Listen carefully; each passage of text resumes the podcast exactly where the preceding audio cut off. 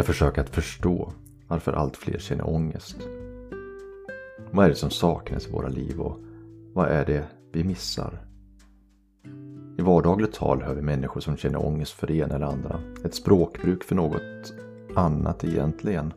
Som bottnar i en oro eller olust inför något. Sen finns det givetvis en reell ångest som är allvarlig och som påverkar hela ens liv. Men frågan återstår. Varför känner vi detta? Kan det vara den privilegierade världens dilemma där vi har så mycket tid över att spendera att vi ägnar tid till att oroa oss, kanske helt onödan? Eller handlar det om att vi inte förstår vår egen värld och samtid? Ångest är en känsla av oro, rädsla och obehag som kan uppstå när vi möter utmaningar eller hot. Det är heller inget nytt fenomen och jag går återigen tillbaka till att se hur en del filosofer försöker att förstå frågan.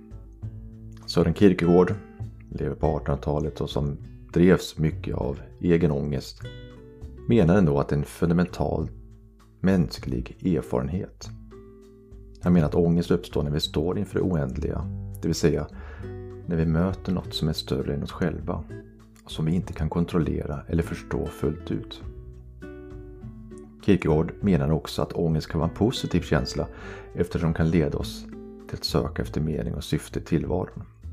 Någonstans kanske han ramar in det hela medan Martin Heidegger som levde under 1900-talet, en senare filosof, han menar att ångest var en grundläggande och oundviklig del av den mänskliga existensen. Han betraktar den som en viktig känsla som hjälper att förstå vår plats i världen. Han menar att ångest uppkommer när vi ställs inför vårt eget intet. Det vill säga när vi upplever vår egen dödlighet och begränsningar som mänskliga varelser. Då får vi ångest i form av en existentiell osäkerhet. En upplevelse av att vi är utsatta och att vi inte har någon säkerhet i tillvaron. Enligt Heidegger kan ångesten hjälpa oss att se vårt liv i ett nytt ljus. Genom att konfronteras med vår egen dödlighet och begränsningar kan vi få en djupare förståelse för oss själva och vår plats i världen.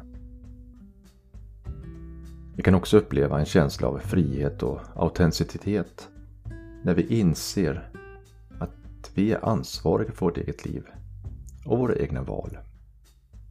Valen är till exempel också, Jean-Paul Sartre, inne på en hel del. Han säger att vi inte vi har inte bara frihet utan vi är dessutom dömda till frihet i alla dessa val vi ska göra. Men åter till Heidegger, som menar att ångesten är en känsla som är tätt sammanbunden med tiden. Det är ganska intressant tycker jag när han säger att när vi upplever ångest då känns tiden som om den står stilla. Och vi kan uppleva en känsla av tidsbrist och brådska. Ångesten kan också leda till att vi får en djupare förståelse för det förflutna och framtiden. Eftersom vi blir mer medvetna om att tiden är en begränsad resurs. Så vad Heidegger menar det är att ångesten är en känsla som är nära sammanbunden med vår existens, existens som människor. Genom att konfronteras med vår egen dödlighet och begränsningar kan vi enligt honom leva ett mer autentiskt liv och skapa en djupare förståelse för vår existens.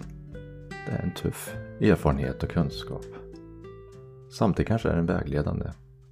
Där vi förstår att vi, vi sitter i en situation. Vi är satta till den här världen. Och vi har inget manus, inget skript som säger så här ska du göra. Utan det är helt upp till dig att ta de här valen. Det här är en komplex känsla med ångest.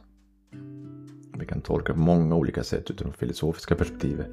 Men oavsett vilken tolkning man föredrar kan ångest vara en viktig påminnelse om vår egen begränsning, om vår plats i tillvaron.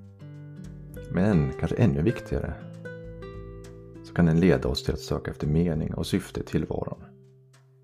Och därmed också ta ansvar för våra egna val och handlingar. Sköt om dig.